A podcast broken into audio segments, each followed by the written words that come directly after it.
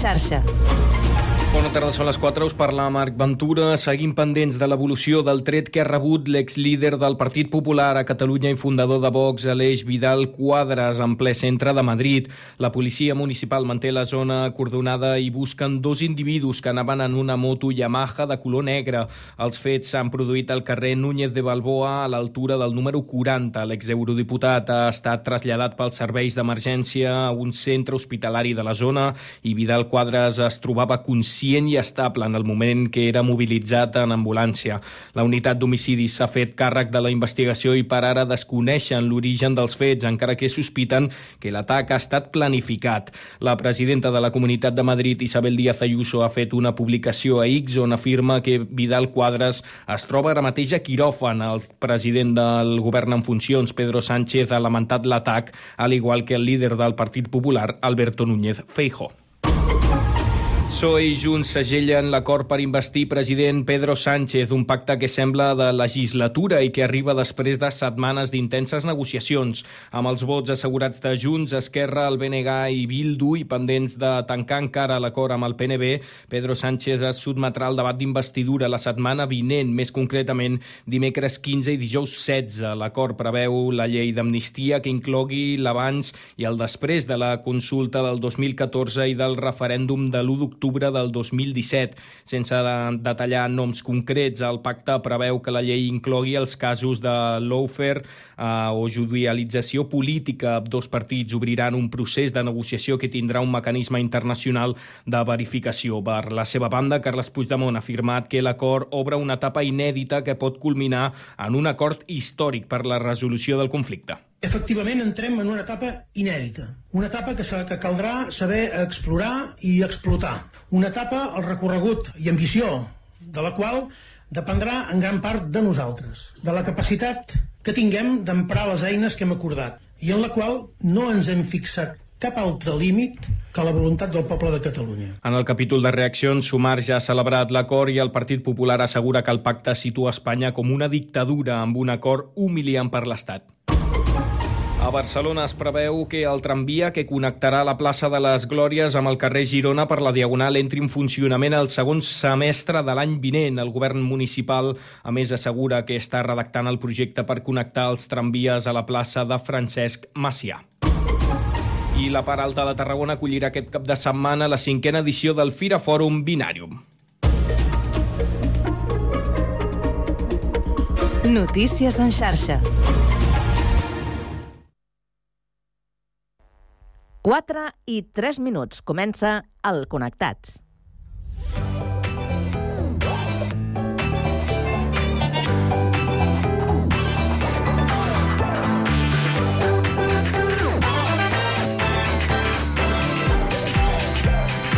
Connectats amb Carme Reversa.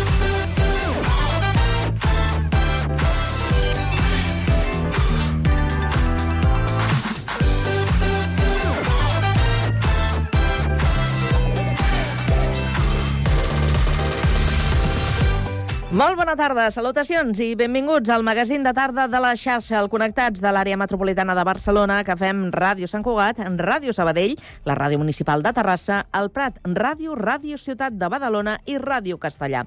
Una salutació de tot l'equip conduït a la part tècnica per Pablo Palenzuela i de qui us parla, Carme Reverte. Avui és dijous 9 de novembre i volem saber quin temps ens espera aquesta tarda. Lluís Mi Pérez. Bona tarda. Els núvols s'han anat trencant al llarg de les últimes hores i, de fet, el que queda d'aquest dijous, el temps ha de ser més tranquil, ja amb aquestes hores nocturnes que ens arriben de cop amb un cel una mica més net. Els núvols no s'acabaran de desfer, però ja poc importants, en algunes àrees del Prepirineu, sobretot al voltant del Solsonès, de la comarca del Ripollès o del Berguedà, així com a la Catalunya central, el Mollanès, a les muntanyes de la Nolla, de la Sagarra, aquests núvols estones una miqueta més presents.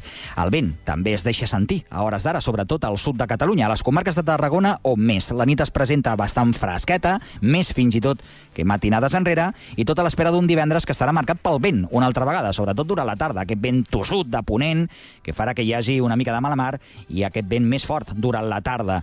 El temps del divendres, per altra banda, amb alguns núvols enganxats al Pirineu, també d'altres de prims al matí, i si de cas, només a la tarda i vespre alguna gotellada cap a la banda pirinenca. Molt poca cosa. Us seguirem a la xarxa.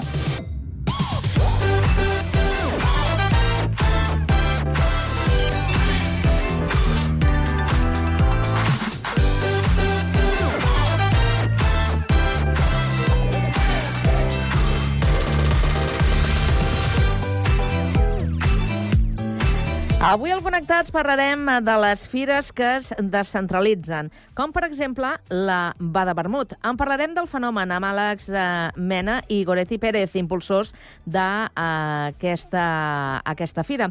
Acabarem la primera hora, com és habitual, amb la tertúlia generalista i avui ho farem per parlar del pes que haurien de tenir els eh, municipis en les decisions, de, algunes decisions de la Unió Europea i de la denúncia de Fàcua pel pacte entre grans superfícies per fixar el preu de l'oli.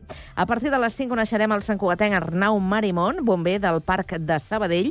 Continuarem amb patrimoni des del Prat per preguntar per la importància de la documentació o com fer un arbre genealògic.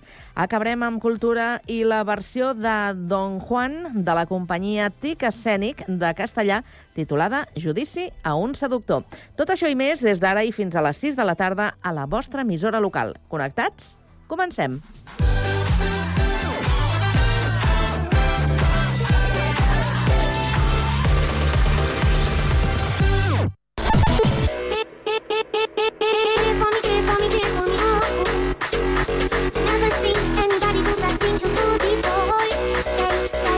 Connectats, una experiència radiofònica a Sabadell, Terrassa, Sant Cugat, El Prat, Castellà i Badalona.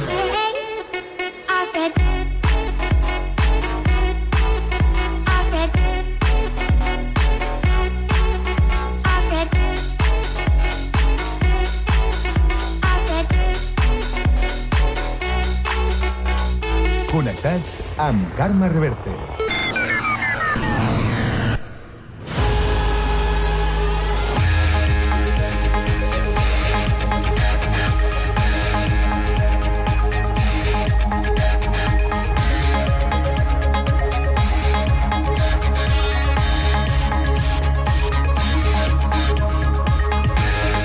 A les 4 i 7 minuts ens actualitzem i ho fem amb aquesta ronda informativa que obrim un dia més per Terrassa.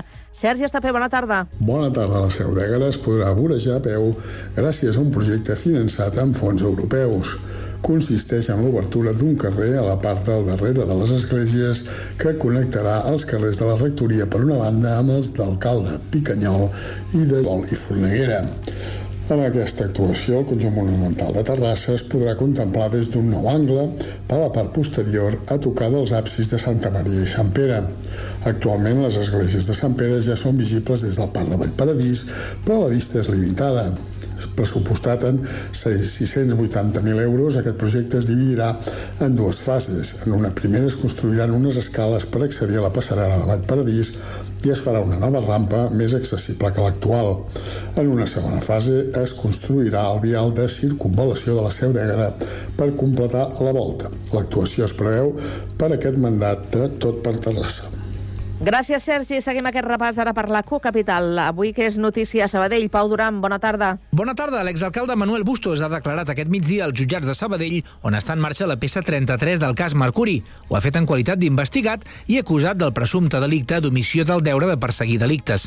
Ha dit que no tenia coneixement de suborns d'empresaris a canvi d'obra pública. Sí que confirma que va rebre un pendrive amb unes gravacions que ho testimoniaven i diu que va organitzar la reunió amb l'empresari José Ríos per dissipar dubtes. La Fiscalia Fiscalia li demana dos anys d'inhabilitació per intentar amagar unes gravacions que destapen una xarxa de pagaments de suborns per part d'empresaris a canvi d'obra pública. Segons les defenses, els fets investigats haurien prescrit el 2013, quan la peça 33 encara ni s'havia creat. Es tracta d'una reunió del 3 de juny del 2010 en què s'hauria intentat dissuadir l'empresari José Ríos de fer públiques les gravacions que demostrarien els suborns. També jutja l'exintendent Josep Miquel Duran i l'exdirector d'Urbanisme Manuel Somoza. El judici ha començat avui i continuarà demà i els dies 27 i 28 de novembre. Gràcies, Pau. Ara abandonem el Vallès, anem fins al litoral, concretament a Badalona. Andrea Romera, bona tarda. Bona tarda, Carme. Els nous reptes tecnològics sorgits de la pandèmia, els fluxos migratoris i el desenvolupament demogràfic han centrat el discurs de l'alcalde Xavier García Albiol al Fòrum de Governs Locals de la Unió Europea i de la Comunitat d'Estats de Llatinoamèrica i el Carib. Un espai de debat organitzat per la Diputació de Barcelona i la Federació Espanyola de Municipis i Províncies. Albiol ha intervingut aquest matí com a alcalde alcalde i membre de la Junta de Govern d'aquesta associació d'entitats locals d'àmbit estatal, a la taula Mirades creuades entre Europa i Amèrica Llatina. L'escoltem. Somos la primera autoridad política y de gestión hacia donde se dirige el ciudadano cuando tiene problemas. Y si no tenemos recursos económicos y si las autoridades de nuestros países no son conscientes de esta realidad, de esta demanda, no avanzaremos como creo que sería necesario y como creo que nos demandan nuestros ciudadanos. Per cert, a l'inici de la seva intervenció ha passat això. L'alcalde ha fet un comentari que feia referència a una anècdota prèvia d'un ponent i les seves paraules han tingut repercussió a les xarxes socials. Les escoltem. Apuntaba en la presentación de estas jornadas alguna de las representantes que ha intervenido, dice, me gusta esa mesa porque todos o casi todas eran mujeres. Bueno, pues aquí también nosotros vamos a reivindicar lo nuestro ¿eh? y también a mí me gusta porque, porque, bueno, porque también existimos. La regidora de Guanyem Badalona, Dolors Sabater, ha qualificat aquest discurs de masclista i ha assegurat que aquestes actituds no representen Badalona ni els seus ciutadans. Gràcies, Andrea. Seguim al litoral i ara des del Prat de Llobregat, Jonathan Marín, bona tarda. Bona tarda. Fins al 2 de desembre, el Mercat Municipal del Prat de Llobregat estarà immers en la campanya Mercats Sostenibles de la Diputació de Barcelona. Parlem d'un projecte que porta ja tres edicions i que per primera vegada aterra al Prat. Aquesta iniciativa té un clar objectiu, la reducció dels plàstics a través de la conscienciació explicant l'impacte que té l'ús d'aquest material i quines alternatives hi ha. Per portar-ho a terme, l'alumnat de secundària juga un paper important, ja que s'encarrega de fer la dinamització de la campanya. En el cas del Prat està participant l'alumnat de primer d'ESO de l'Institut Salvador Dalí. Les persones que participen reben un passaport sostenible que han d'anar sellant amb cada compra que no generi residus. Un cop aconseguits els 10 segells, rebran un obsequi, una bossa reutilitzable de cotó i una participació en el sorteig de 3 lots de residu zero. Gràcies, Jonathan. Abandonem el litoral i tornem al Vallès, a Castellà, concretament. Guillem Plans, bona tarda. Bona tarda. Rècord a la marxa nòrdica del Centre Excursionista de Castellà que va reunir 164 participants del cap de setmana passat. La prova va transcorrer sense cap incident, tot i que el vent va dificultar el desenvolupament normal de la marxa, no només per la infraestructura d'aquesta, sinó perquè per primera vegada van participar un grup de persones amb visibilitat reduïda que van ser conduïts per monitors de la Unió Esportiva a Sabadell durant tot el trajecte. Acabarem amb la crònica de Sant Cugat per explicar-vos que el president de l'associació Sant Cugat Empresarial assegura que la ciutat ha perdut alguna inversió important per culpa del retard en l'adjudicació de les llicències d'obres.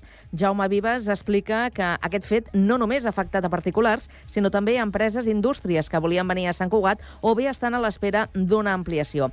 Un fet que Vives ha lamentat en el programa Entitats de Cugat Mèdia és cert i fins i tot això ens ha fet perdre com a ciutat alguna inversió important. Gent que no ha tingut la paciència del cas o no ho ha entès i ha dit, pues mira, me'n vaig a altres llocs on en tractin millor. Això és algo que l'Ajuntament és conscient i nosaltres hem fet molta força en aquest tema. Fins i tot hem tingut, diguem-ne, no diré conflictes, però unes discussions importants sobre aquest tema D'altra banda, Sant Cugat Empresarial es mostra preocupada per la manca de sol industrial a la ciutat, que frena també l'arribada de noves grans empreses. Durant l'entrevista, on també ha participat la gerent de l'entitat, Concepció Coret, ha repassat els 18 anys d'història i han remarcat la importància d'associar-se per lluitar per objectius comuns en el territori.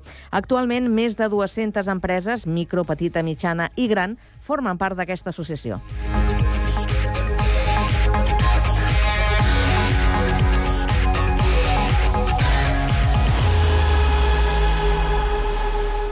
A la tarda, no et desconnectis.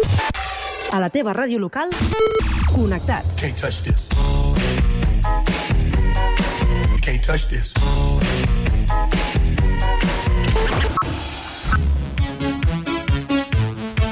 Can't touch this.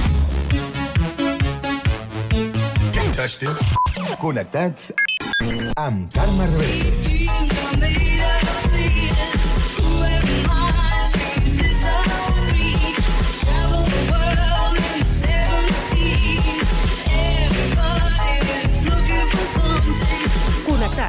Una experiència radiofònica a Sabadell, Terrassa, Sant Cugat, El Prat, Castellà i Badalona.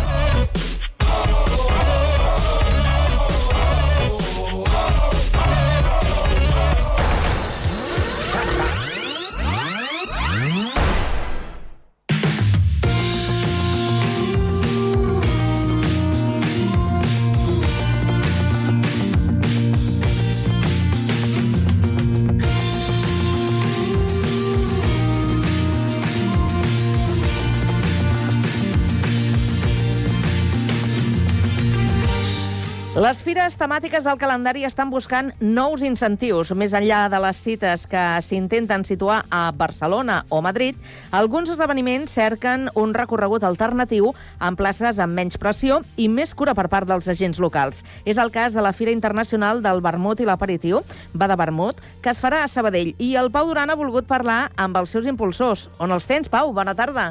Bona tarda, doncs els tenim a l'estudi, l'Àlex de Mena i la Goretti Pérez. Gràcies per ser-hi. Moltes gràcies per convidar-nos. Escolteu, eh, comença aquesta proposta d'edicions itinerants d'aquesta fira. Com, com heu fet aquest canvi de xip? Què ho ha motivat? Té a veure amb, amb una mica aquesta corrent d'anar descentralitzant una mica, sortint d'aquestes capitalitats que a vegades sembla que, que s'ho enduguin tot? Què, què us ha motivat a fer-ho? Bueno, una miqueta... Són diversos factors, en veritat. Eh? Nosaltres ja portem unes quantes edicions, Ocho. vuit edicions. Eh, això va començar a Barcelona, perquè al final nosaltres som d'allà i, i bueno, vam fer un primer test a veure com funcionava, vam fer a Barcelona i bueno, va anar creixent i bueno, ja ens vam quedar allà. Sí que és veritat que arrel d'això també nosaltres eh, hem visitat bueno, altres zones com Reus, que també s'havia fet una fira similar i, i, i bueno, hem anat obrint una mica el ventall i, i després de vuit edicions que hem fet a Barcelona, fins i tot n'havíem fet una a Madrid o sigui que aquesta eh, idea d'expandir una miqueta la fira i moure-la eh, ja, ja, ja estava ja des de, una mica des del començament i ara s'han juntat diversos factors. Uh, també la pandèmia, que durant la pandèmia pues, evidentment tens temps per pensar i vam estar parats. Uh, vam fer una, una, després, just de la pandèmia, vam fer una a Barcelona i, bueno, i aquesta idea d'expandir-nos, pues, mira, també és veritat que la, Goretti és d'aquí de Sabadell, amb la qual eh, pues mira, un primer pas que fem també aquí als veïns. I tot i que són ciutats que estan molt, molt, molt a prop també és veritat que la gent també tenim molts vicis adquirits. A vegades, encara que baixar a Barcelona no estigui gaire lluny a vegades fa una mica de mandra, i a la inversa també la gent de Barcelona potser pujar a altres llocs els hi fa una mica de mandra. I llavors hem decidit que la portem a Sabadell i que la gent de Sabadell no tingui excusa ja per no provar bon vermut. De Sabadell i del Vallès. I del Vallès, evidentment, sí, sí Vosaltres que sou professionals de- d'això d'anar fent esdeveniments que deies ara la pandèmia, el, quan us tenen parats pensant Sí, sí. que Mal, mal. cosa dolenta, no? Mal. Clar, el, havíeu vist el fet aquest de dir bueno, és que una mica Barcelona ja és com que és una cosa més, no? Sí. Aporta un plus el fet de dir, ostres, no, ara ara anem a Sabadell, i espera't, no? Jo crec que sí. Eh, a part de que, evidentment, Barcelona ho, ho, ho, ho fagocita tot, no? Al final Barcelona és, és, és el centre de, dels esdeveniments, però hi ha molta oferta, cada cap de setmana hi ha alguna cosa, si no són 50 esdeveniments, en són 60, i també és això, hi ha molta competència, no del mateix sector, però clar, si alguna família vol anar a fer alguna cosa cada setmana, té un ventall tan gran que a vegades és, és complicat. I la- aquesta idea d'anar a altres zones a nosaltres ens agrada molt i creiem que, està, que podem deixar descansar a Barcelona una estoneta, vaja. Té altres avantatges també el fet de dir, ostres, mira, a Barcelona, a banda d'aquesta competència, per exemple, ferotge, m'atreviria a dir, no?, que, Sí, que comentes, sí, sí. Eh, hi ha alguns avantatges també de facilitats, de que el municipi també, ostres, de sobte et vegi amb uns altres ulls, trobis uns altres preus, hi ha més agregadors que sumin a favor? Hombre, sí. Eh, y, y ahora que, que nos hemos venido a Sabadell lo hemos visto. O sea, es a priori todo mucho más fácil. A nivel logístico y de producción de, de montar el evento eh, nos resulta todo más fácil. Eh, y más, sí, más, más fácil, más cómodo. Sí, Y- també són altres preus, també, per segons quines coses. Sí. Eh, Y luego que también hemos venido a Sabadell por el hecho de que eh, fuimos a ver la fira de Sabadell y el sitio bueno, para nosotros es perfecto. O sea, es, es perfecto. no, O el lloc, el el lloc tamany- està molt bé, ja, ja el coneixíem una miqueta, però la veritat és que és molt maco i, i saber molt bé per la, pel tipus d'esdeveniment que farem nosaltres i ens han tratat molt bé, o sigui que estem contents. Doncs crec que ens hauria d'explicar una mica de què va, no?, aquest va de vermut. Venga.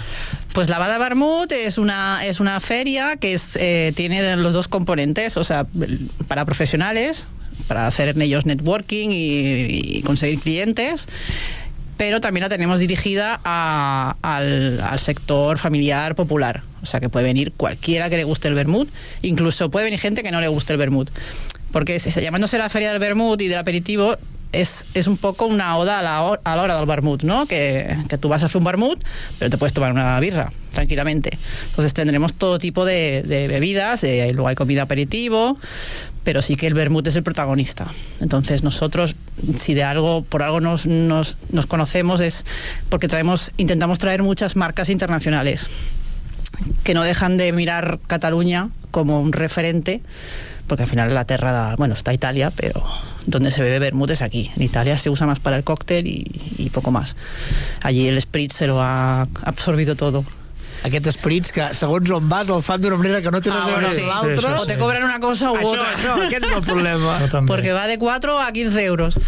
Y, y eso, y entonces de cara tanto a profesional como popular, pues organizamos catas, talleres. Este año, por una de las cosas que nos gusta la FIRA es que tenemos disponibilidad de una serie, una serie de salas que nos permiten hacer una sala infantil que nunca habíamos tenido, por esto de que vienen familias. Eh, tendremos esto, los talleres, eh, tendremos música música, en directo, tendremos masterclass de swing, de rumba catalana. Al final és una festa, al final Una és una festa. festa, l'excusa és el vermut, és una fira gastronòmica, en veritat, és, és l'excusa per anar a fer el vermut i quedar-te allà tot el dia. Això. I anar tastant vermuts que segurament molts no trobaràs en lloc perquè n'hi ha molts que no, no, no tenen distribució encara aquí, no? que són marques estrangeres, són vermuts que encara aquí no, no, no estan al mercat, o mm, de marques que la gent desconeix, perquè al final el vermut passa una mica que la gent pren molt de vermut ara, perquè ja des de fa uns anys ha revifat molt el tema del vermut, però les marques no són gaire conegudes. Si sortim de les dues marques de sempre, la gent quan va al bar, va al bar demana un vermut, però no demana un vermut específic d'una marca. Llavors jo crec que és interessant pels productors que la gent comenci una mica a conèixer diferents marques, a què sap els diferents gustos, perquè no són iguals, i és bastant interessant. Vosaltres aquí mm, veu començar a veure possibilitats cap al 2014. Eh, estava ja com ara, que podríem dir que està una mica de pujada al vermut, o va ser una cosa que veu haver de posar ja una mica de dir, home, això entre tots ho hem d'aixecar perquè ara mateix tampoc és una cosa molt visible. No sabia dir-te jo l'any, crec- eh? però jo crec que quan nosaltres vam començar Era porque había un boom ya, ja potente. començava, ja començava la cosa a enfilar bastant. Yo creo que viene todo un poco de la crisis económica que, tam- que también coincide con la época del gin tonic y el ocio nocturno. Entonces, de repente, como que hubo un giro, ¿no? Y claro, no es lo mismo un gin tonic que te puede costar tranquilamente ¿no? 8 o 10 euros que un vermut que an- antes a unos 50 o 2 euros lo encontrabas. Y se ha ido esto derivando a ocio familiar, que no que al final pues, como que apetece más, ¿no? Que disfrutas con más sectores de la familia que no por la noche. Entonces eh, nos surgió la idea, esto con todo el boom, con el petardazo que pegó el vermut. Sí, sí. Sí, sí. Bueno, a més, el, el gin tònic va arribar a un punt que ja la gràcia era aviam qui posava més coses de Sí, manida. era una no? ensalada, no? Clar. Un tutti frutti, ja. I en canvi aquí sí que hi ha més marge per jugar, no? El vermut, inclús Sí. als nens els hi diem anar a fer el vermut i ningú li va donar-li una beguda alcohòlica, no? Però Clar. ja és com un fet cultural en si. Sí, sí, una mica la idea de la fira és aquesta, o sigui, el vermut és l'excusa, és el que deia la Goretti, que hi ha una part professional, perquè venen moltes marques i a ells els interessa a nivell comercial que puguin venir distribuïdors o, o propietaris de bars i de restaurants per conèixer el seu producte, però en veritat fer el vermut significa això, anar a fer l'aperitiu, anar a fer un tast, vull dir que al final a la fira hi haurà de tot, hi ha molta gastronomia, el bo del vermut és això, que acompanya molt la gastronomia, perquè el vermut, en essència, el que fa és obrir les ganes de... No? Fa venir ganes de menjar, amb la qual va molt lligat amb la, amb la gastronomia. És així, eh? El, el vermut Sí. l'hem de fer servir per obrir la gana. Sí, es Tal un licor cual. aperitivo que te abre, aperitivo es eso, que te abre el, el estómago. Perquè, ah, clar, apari, o sigui, de venir de gust al, al començar Sí. a menjar, com si diguéssim. fas un, un per, per, per que t'entri la gana i ja et Per tires acompanyar. tot el dia eh, perquè ara hi ha tants vermuts diferents que fins i tot ara el vermut jo per exemple em faig vermuts a les 6 de la tarda quan arribo a casa a vegades, vull dir que al final ja el vermut jo crec que comença a transcendir també una miqueta aquesta, aquesta franja horària, no? Vull dir, nosaltres a la fira estem tot el dia, vull dir que al final és va de vermut, però és això és, és, pots veure el vermut ja, ja com a còctel, que ja fa anys que també es pot veure com a còctel, però pots fer un vermut a les 8 de la tarda que no passa res. Comentàveu l'interès internacional, llegeixo que el, hi ha hagut participació d'Alemanya, Itàlia, França, Àustria, Grècia, Xile, l'Argentina, mm. Mèxic o, o els Estats Units o Austràlia, per exemple. Clar, eh, tota aquesta gent una mica ve a inspirar-se aquí. Diguem que, el, que, que la font per ells adaptar-ho a això és aquí. Sí, porque al final la receta tradicional, bueno, es, italiana, entonces, pero la, la, cuna es Reus y, aquí, donde hay más costumbre, como te decía, de tomar vermut es aquí. Luego te anima al Museo del Vermut y tal, y todo esto la gente de fuera lo sabe. Toda la gente, todos los vermut lovers saben todo esto y, nos miran con, mucho cariño. Entonces hay gente que a través de, de estas fórmulas han hecho su vermut, pero les interesa mucho saber qué opina la gente de aquí, de su vermut si bien un vermut argentino, como se, usa, se usan vinos de allí, el Malbec y todo esto, no tiene nada que ver con un vermut de aquí. Pero sí, sí. lo que no quita que esté bueno o, o, o no. Sí, sí, la inspiració jo crec que una mica que ve d'aquí, no? per la tradició ja de, de tants anys aquí de Reus, de la zona de Reus i, i ara de moltes altres zones, no? però per exemple a Argentina, no? aquests països sud-americans està, està començant ara a haver-hi bastanta febre de vermut i estan apareixent molts productors de vermut i és, és molt interessant. Per tant, aquest cap de setmana del 16 i 17 de març, uh -huh. eh, bueno, dic cap de setmana, m'he tirat a la piscina. Sí, sí, sí, sí, sí, domingo, vale, vale. sí, sí. L'haurem d'incloure en, doncs, en aquests calendaris de, de fires de congressos, no? de, de dir, això és un turisme de, de congrés, a fi de comptes, no és una cosa només d'oci, que també s'hi pot Sí, participar sí, sí. d'aquesta manera, però al final són aquestes coses que s'intenten facilitar també des d'aquestes perifèries de ciutats grans, no? de dir, bueno, qui vulgui fer negoci, ving, ving, vulgui venir a treballar en aquest eh, sector d'esdeveniment, també pot venir aquí.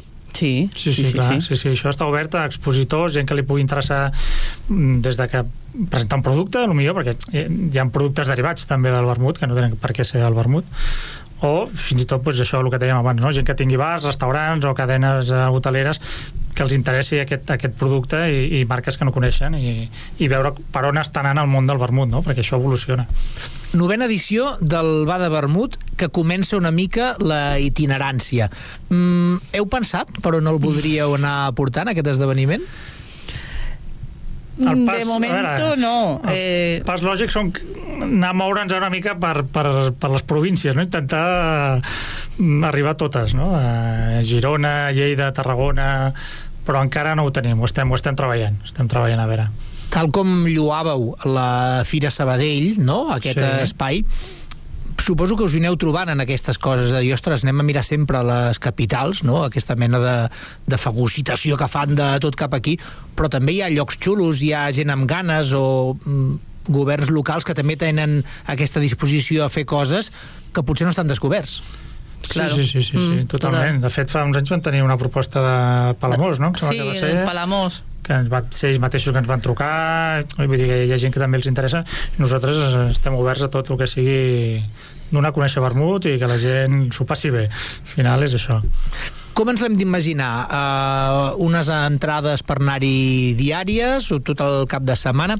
Una visita lliure però a partir d'aquí pagar consumicions? Quin format tindrà aquest esdeveniment? La, la feria es, de- es con, comprando entrada para, para el día que se asista y, y luego dentro pues ya cada, cada expositor gestiona su, su producto y tal. No tienes, tienes que comprar lo que te interese tomar o, o, o- comer. Sí, és venda consumir. directa de cada expositor a preus de mercat. Són preus molt raonables i... Sí, esto sí lo, lo- lo- le solemos decir, o sea, porque conociendo el sector ferial, que en la feria parece que todo sea como, ¿sabes? Todo aumenta de precio mágicamente.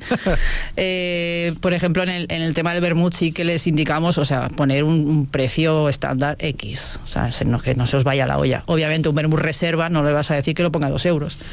Eh, hasta ahí llegamos y la gente, si vale 4 o 5 euros te lo pagará, o sea, la gente que quiera probar un vermut hecho en barrica y tal, pues, pues sí, Sí. pero sí que intentamos ser todo lo populares posible. Sí, els preus són populars, l'entrada també és popular i al final el que et dona dret és entrar, entrar al recinte i després tan, durant tot el dia tenim eh, concerts, actuacions musicals, vull dir que això és, està tot molt amenitzat. Després ja si vols consumir, doncs a cada parada el que a tu t'interessi, com diem, a preus populars doncs, eh, pots comprar i consumir. Uh, us heu imaginat també o esteu planificant algun patrocinador concret així pel global de la cita o una mica ja teniu com diferents expositors de dir, mira, doncs amb tota aquesta gent farem, si teniu algunes xifres eh, de, de gent que ja es vol apuntar Ah, bueno, no, Sí, eh, sí. normalmente, bueno, te- normalmente no, tendremos unos 30 expositores. Normalmente la mitad son marcas de vermut y la otra mitad pues un poco de todo, cerveza, comida. También habrá puestos de artesanía, de ropa, de un poco para dar, bueno, siempre funcionan bien. Y Y sí, esto mm, una media del d'exposi- 30. Sí, expositors, de fet, ja tenim expositors que són repetitius de cada fira, perquè al final els hi funciona molt bé i, i, i ja s'apunten. Els espais que ens queden, perquè a dia d'avui ja, ja tenim molts espais reservats, sempre intentem agafar o buscar gent local, no? D'aquí, per exemple, de Sabadell, doncs, intentem buscar alguns negocis que els hi pugui interessar. Però sí, sí, és una fira que ja els expositors ja, molts ja els tenim ja són fidels, vaja, ja venen amb nosaltres i, i, i aquí venen i a més donen un bon producte perquè si no fos així tampoc no vindrien vull dir que... Bueno, tenemos ya un, un- un local, un negocio local confirmado, que es la Bermutería La Romànica, que és d'aquí de Sabadell. Sí, aquí. Allà els trobarem, eh? Allà els trobareu, sí, sí, sí, sí. Àlex Goretti, moltes gràcies per venir al Connectats. Nada, a Moltes ti. gràcies a vosaltres, us esperem allà el cap de setmana aquell. Eh? Apunteu a les agendes, eh? 16-17 de març teniu una cita a Fira Sabadell. Va de vermut.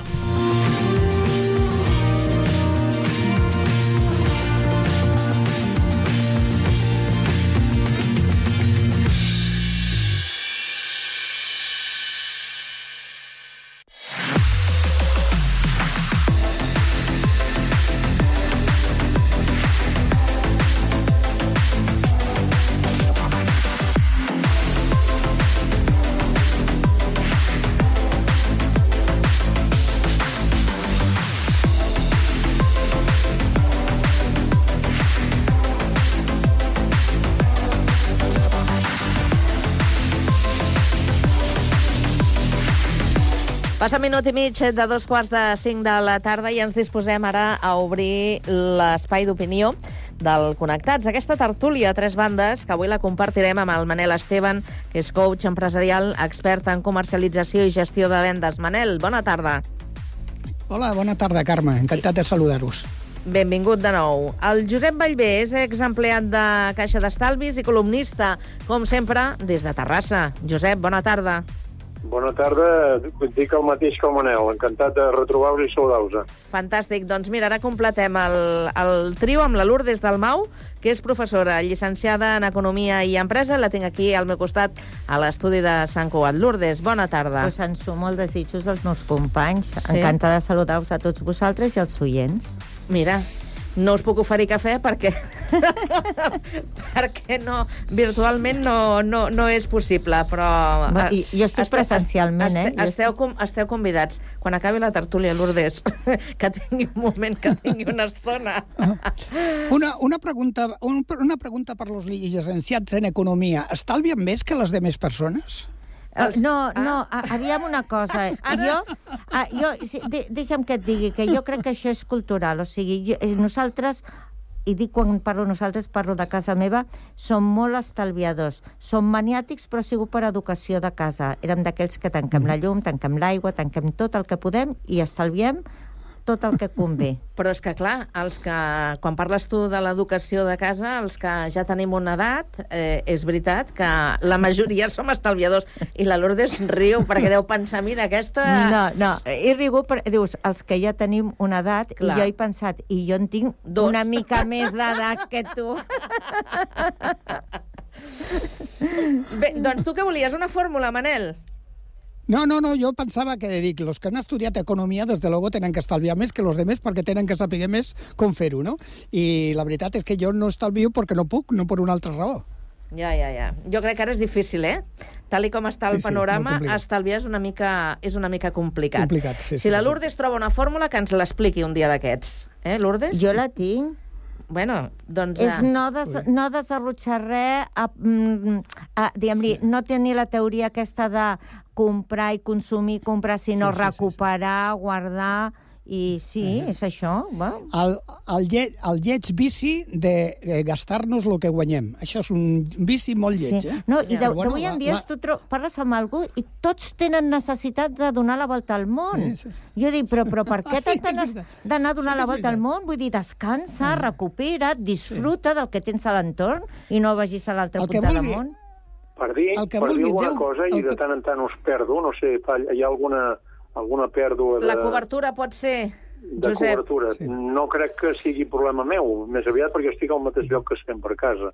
A veure, Mm-hmm. eh, no és que jo vulgui eh, establir-me com a com a definidor del tema estalvi, vam treballar 34 anys amb una caixa d'estalvi, però actualment, actualment, els últims rumors, amb la banca passant de tot no pagant, no pagant dipòsits, a no ser que t'arrisquis amb, amb productes de risc i complicats, eh, l'estalvi està tocat de mort.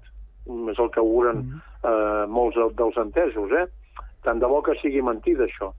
En qualsevol cas, en qualsevol cas, jo crec que la, la cultura de l'estalvi com la teníem nosaltres, que ja tots tenim una edat, doncs no és la que regna actualment en el mercat. Eh? No podem dir que ha passat a millor vida. Bueno, de totes, Sí, sí, sí. de totes maneres... ben dit, sí. Sí, sí. Han canviat les prioritats. Eh? Jo crec que el problema no solament és una qüestió econòmica de que els, eh, el que cobra lo, los jovents d'avui dia no és el mateix que cobràvem nosaltres. Jo crec que les dificultats eren les mateixes, però ara mateix prioritzen comprar-se el sofà i la televisió a tindre un fill, per exemple, amb la qual no?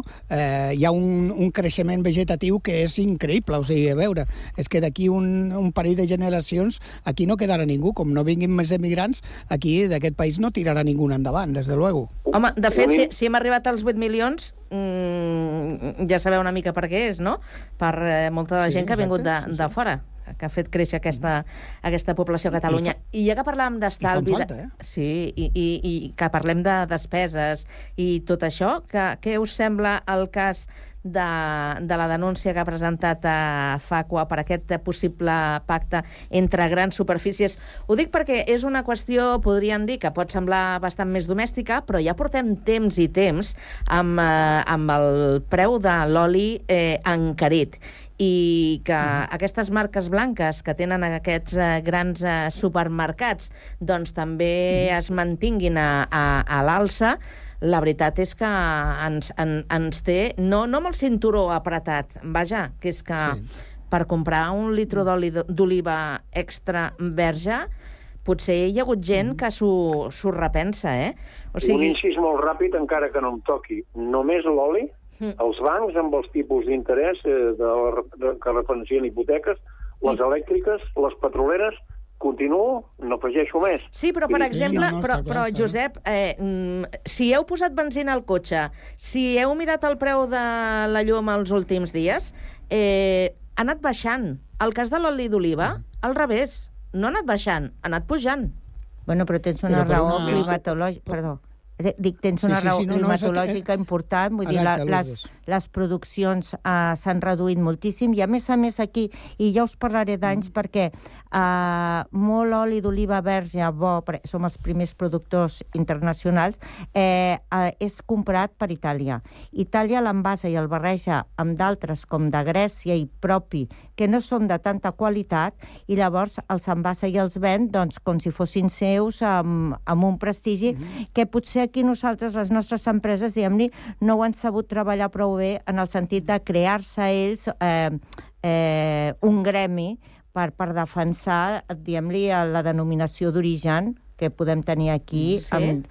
Eh, pues sí, perquè fixa't tu una cosa, en el 2013 d'aquest problema ja se'n parlava. Ara, en aquest moment, o sigui, de, del problema aquest de la, fal, de la falta de producte. I clar, escolta'm, això sí, economia, eh?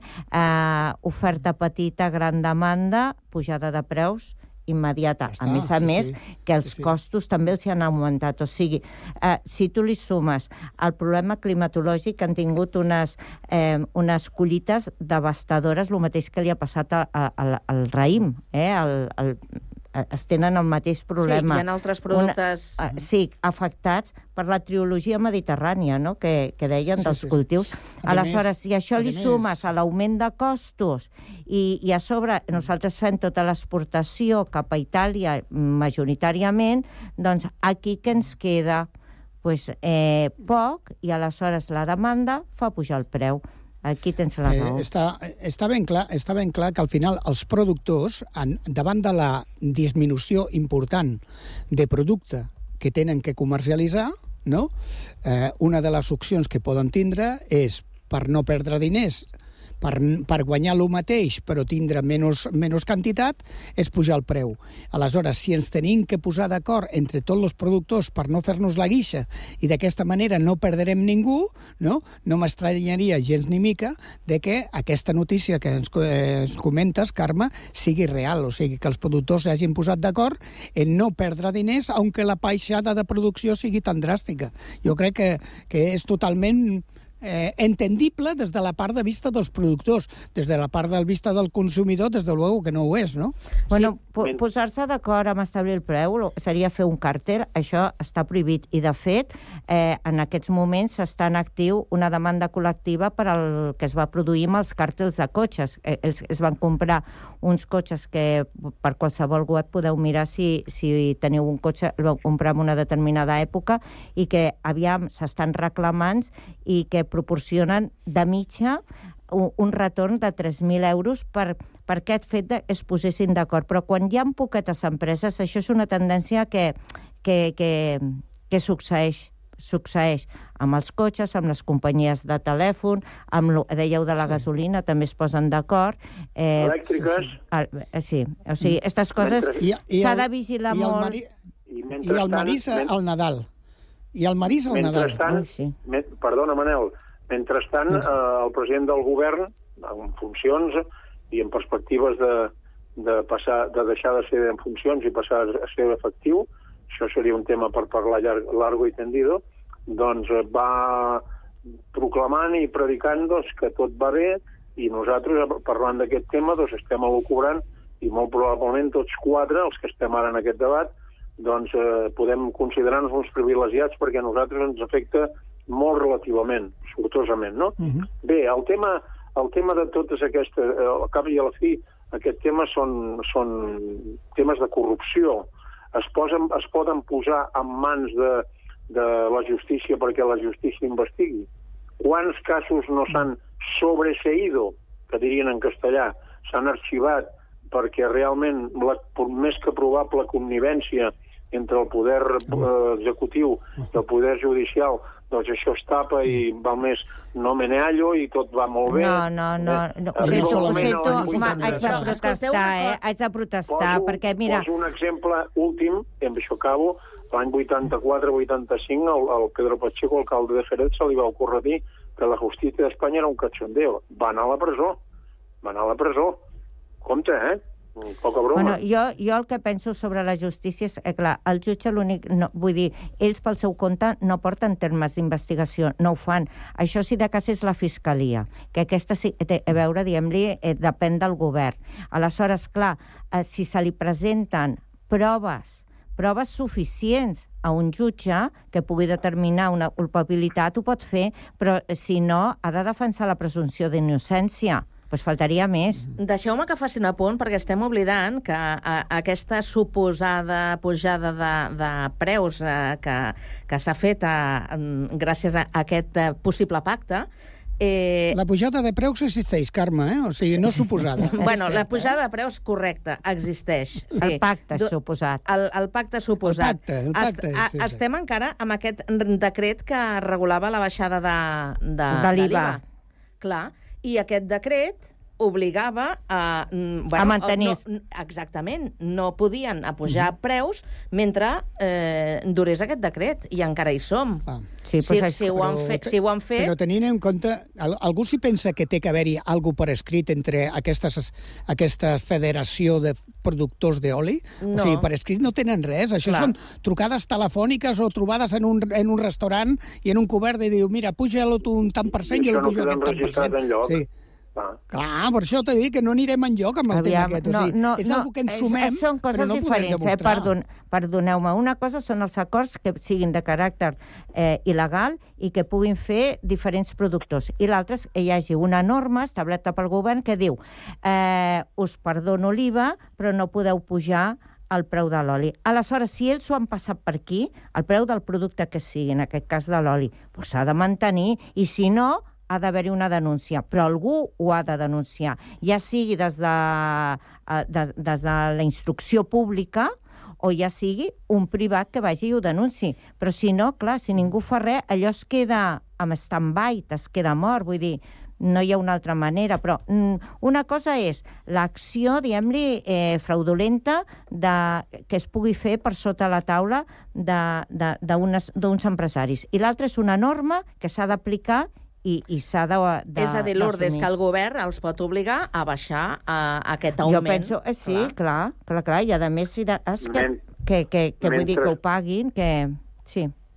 Mentrestant, la ministra d'Hisenda doncs, es deu fregar les mans perquè si no li entra tant IVA, eh, tant impost per aquesta via, doncs li entra per un altre cantó. Bueno, I aleshores es, es treuen de, de sota la xella doncs, un nou impost a les grans fortunes, que probablement jo en soc partidari de fa molts anys, com existeix als Estats Units i en altres països molt més avançats que el nostre, però en qualsevol cas, això és un peix que es mossega la cua, i això ara es destapa i la gent agafa un emprenyamenta de, de mil dimonis i d'aquí quatre dies això no se'n parlarà.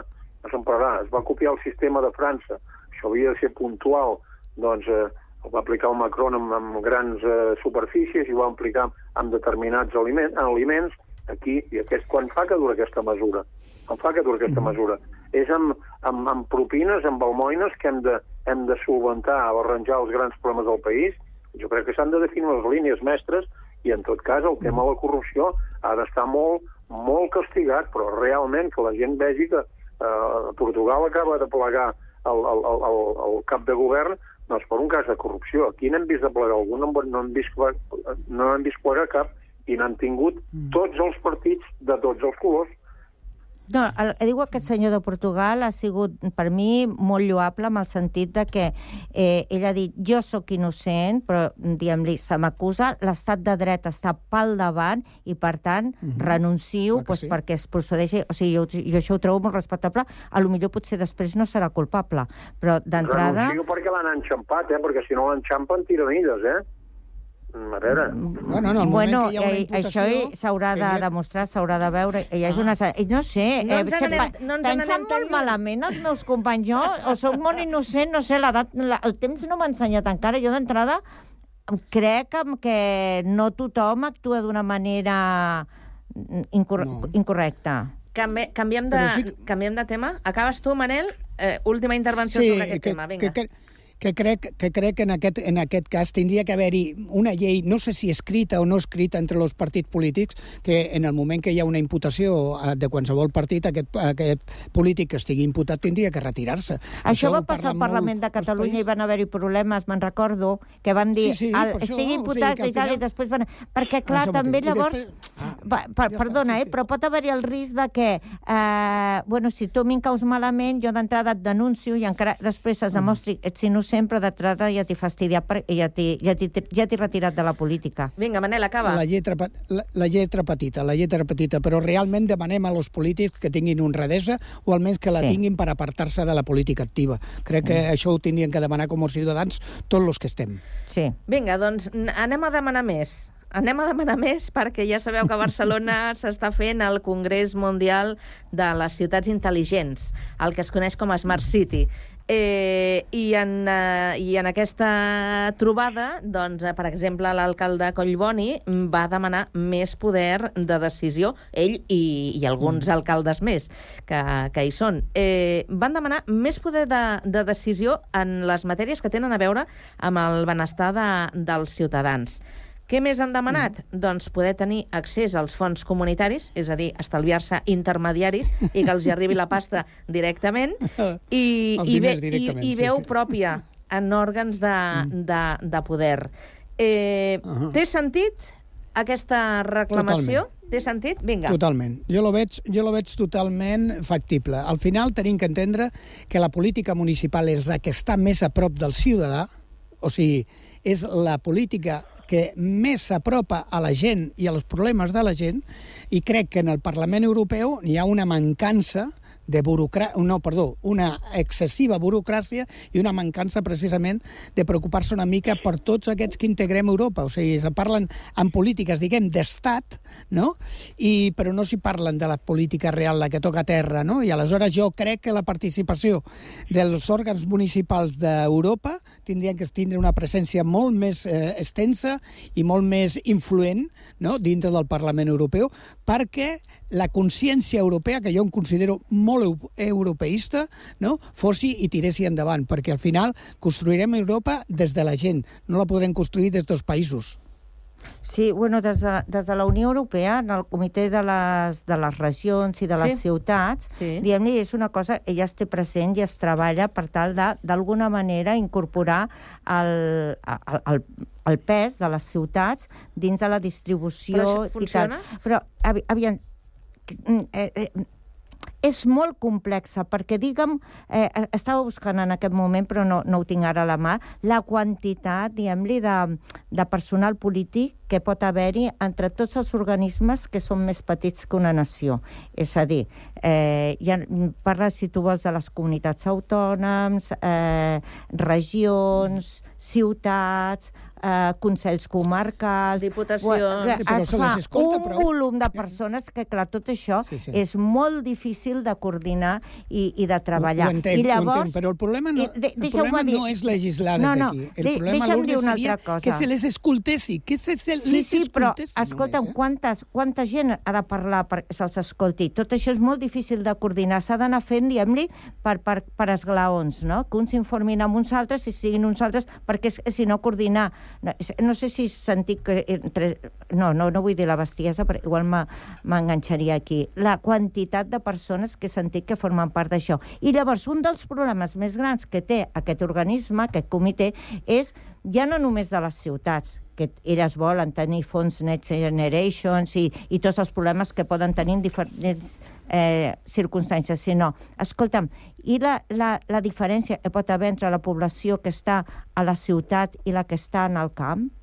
Perquè, clar, les ciutats està molt bé, però... I, i tot aquest entorn més agrícola i tal, que està mm, pues, més desassistit. Aleshores, eh, eh, un equilibri per part de tots. És important que les Molt- ciutats puguin dir lo seu, però també tots els altres. Josep. Molt d'acord amb el que està dient la Lourdes i, i alguna idea ja me l'has avançat i estic bastant d'acord. A veure, eh, fa un parell de setmanes que, que parlàvem del tema d'eixamplar les competències del que era l'àrea metropolitana de Barcelona Sí. i també amb la figura de l'alcalde Collboni, que està en un govern en minoria, pendent d'aprovar pressupostos, no vol fer cap pactes amb ningú, molt discutible fins i tot el seu nomenament defenestrant doncs, la, la candidatura més votada, que va ser la del Xavi Trias, això i et donaria tema per un altre debat, que no és el que toca ara. En qualsevol cas, eh, abundant amb el que deia la Lourdes, àrea metropolitana, zona franca, consells comarcals, diputacions, posem un exemple d'aquesta setmana. Per exemple, el primer parc natural de tot l'estat espanyol és el parc de Sant Llorenç i el Bac, i resulta que s'acaba a febrer del 2024, d'aquí quatre mesos, quatre dies, s'acaba la concessió del bar-restaurant que hi ha dalt de tot i es A la Mola. plantegen doncs, que allò de la mola i, i es planteja doncs, que millor ja me'n vaig de l'olla però torno de seguida de camí. Aleshores, jo pregunto, això ho han de decidir els polítics o ho ha de decidir la gent que estima la muntanya i que puja, o els habitants de la rodalia? Em plantejo això des de la perspectiva del Però- que deia la... I aleshores, més, més, mm, a veure, més delegació de funcions eh, per part d'un estat eh, central, Espanya, copiant una mica, una mica només el sistema alemany dels Länder, amb autonomia i tal i qual, aquí resulta que anem amb el que deia el Manel, a l'Ajuntament és el que està més a prop, però hi afegim aquí una sèrie de gent que viuen de la MOMA, a la MOMA, consells comarcals, diputacions, zona franca, àrea metropolitana, el port, l'aeroport... No, no s'acaba mai. Mancomunitat... Sí, sí, està Vinga, bé. Manel. Endavant, Manel. No, no, no. no. Lo que, lo que estava dient el Josep del tema, que també l'he llegit jo, el tema del, del restaurant de la Mola, no, que no és, no és el cas, però si realment la xifra que et donen de, de, de gent que puja cada dia de l'ordre de 400 persones, al final el que parlem de, és un degradament de l'entorn, o sigui, d'acord, no? Però jo que sé, les coves d'Altamira les van tindre que tancar perquè si quedaven obertes, al final desapareixien les pintures. Al final, quan n'hi ha una, una fluidesa tan gran de gent dintre d'un entorn, al final té que haver-hi algun organisme que reguli precisament que l'entorn no es deteriori. No? Dic jo, no, no, sense entrar, el- sense entrar en, po- en polèmica, eh? sense entrar en polèmica. Simplement, si muntanyenc és 400 molt persones pugen allà dalt... Eh? Manel, Sí, sí, el muntanyenc és molt respectuós amb l'entorn, eh? Què volem que No, no, no, si no- si no- si jo no m'hi que- no, en el parc si no queixo- ho deia com a exemple, que- que- ho deia com a Exacte, exemple, no, no, però al final és, és una qüestió de la Diputació. Mireu, el és una tema, qüestió el, de, Josep, aquest tema és una de... qüestió de massificació, eh? O sigui, al final, el problema està en que qualsevol entorn massificat, no?, sí, té una degradació. Però, però deixeu-me que, que introdueixi, Manel, introdueixo el detall, que sí. és que el tema està en que, precisament per aquesta massificació, no s'adequa a la normativa ambiental europea. Ai, ai, ai, i jo... Oi. Tornant, tornant, al tema que, tornant al tema que ha plantejat la Carme, la ciutat de Barcelona és un transatlàntic, eh, metafòricament parlant, impressionant, prou de feina té l'alcalde, el Collboni, doncs, per arreglar els problemes de casa seva, parlant de casa seva em refereixo a la ciutat, com per voler demanar més competències, el has de demostrar és una eficiència absoluta en la gestió dels problemes del dia a dia, del ciutadà, el que va bé i el que no va tan bé, i llavors sí, però no crec que es demani... altres coses. Però no crec que es demani tant la, la, el tindre competències. Jo crec que el que es demana és sentir-se més representats. I això crec que tindrien que abogar tots no? perquè així fossi. Perquè la, la política local, que és la més propera, fossi millor escoltada dintre del Parlament Europeu, que a més construiria més Europa si realment tothom veiés que des de les polítiques de eh, Brussel·les i Luxemburgo no? es construeix cosa que afecten directament a cada un dels ciutadans ciutadans d'Europa. Sí, però mira, ja he trobat la xifra, eh? eh en 27 estats eh, de la Unió Europea tenim un milió de representats de nivell subnacional eh, condados, eh, comitès, tot. Un milió. Aviam com s'organitza això. I llavors, clar, hi ha mm. certes coses que la Unió Europea legisla per tots i, per exemple, quan dèieu això del medi ambient i tal, per protegir-ho, pues, eh, ja sabeu que han posat la norma aquesta que crec que d'aquí dos anys s'han de respectar tots els caudals de l'aigua, no s'han d'evitar, diguem-li, les traves. Però, escolteu-me, a Alemanya, França, clar, estan en un lloc on tenen més pluges, ja sé, aquest any no n'han tingut tantes, però tenen uns rius i tenen una abundància abundància d'aigua, i nosaltres, i nosaltres,